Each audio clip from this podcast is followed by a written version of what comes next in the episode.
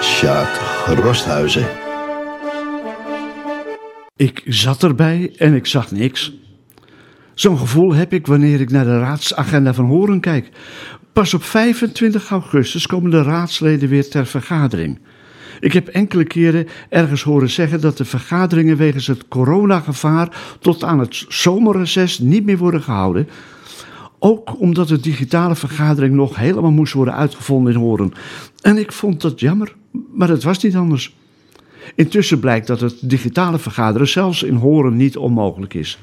En in de ene keer dat het Horense politieke wereldje zich daarmee vermijde, werd een mandaat verstrekt aan het college van BMW, zodat ze bepaalde beslissingen tot het einde van het kalenderjaar zonder verder overleg met de raad kunnen nemen. Tot 25 augustus heeft de raad zich een soort reces verleend, een corona-reces. En op die manier zouden onze uiterst waardevolle raadsleden optimaal beschermd blijven en kloeke bewakers blijven van de democratie die zich gezamenlijk een gezicht plegen te geven. En ik heb de noodzaak daartoe gewoon voor zoete koek aangenomen.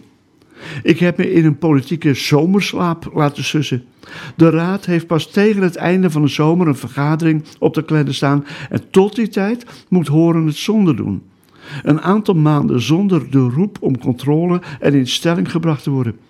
Vele weken zonder moties, amendementen, schorsingen van vergadering, belofte om raadsinstrumenten in te zetten, kritische geluiden naar wethouders die verder voor de muziek uitlopen dan strikt was afgesproken.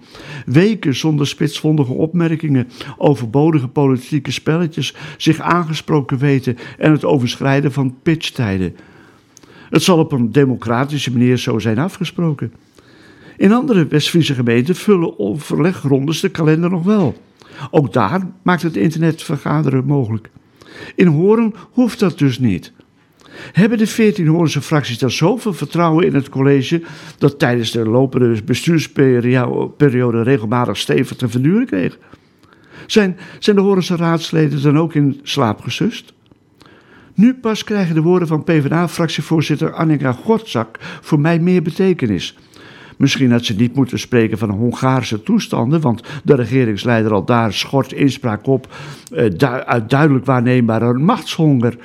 Maar de gepleegde oppositie tijdens het afgelopen digitale overleg, samen met de fracties Danny Verdonk en Linda Koekoek en DRP-voorman Menno Jas, was wel degelijk bedoeld om als raad eh, nog het een en ander te mogen voorstellen.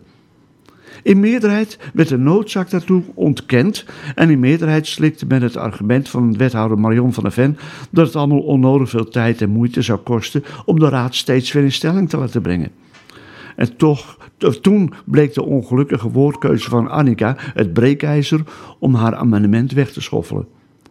En nu zien we heel af en toe, waarin we met de juiste mensen zijn verbonden via de sociale media, van onze lokale politi politici op- en aanmerkingen, gedachtensprongen, meningpeilende vragen en fotootjes van tuin, dieren en blauwe en bewolkte luchten langskomen. Enig idee hoe het is om elke dag berichten te lezen van, ja, ik noem zomaar iemand, Robert Vinkenborg, en daarop intelligent te reageren?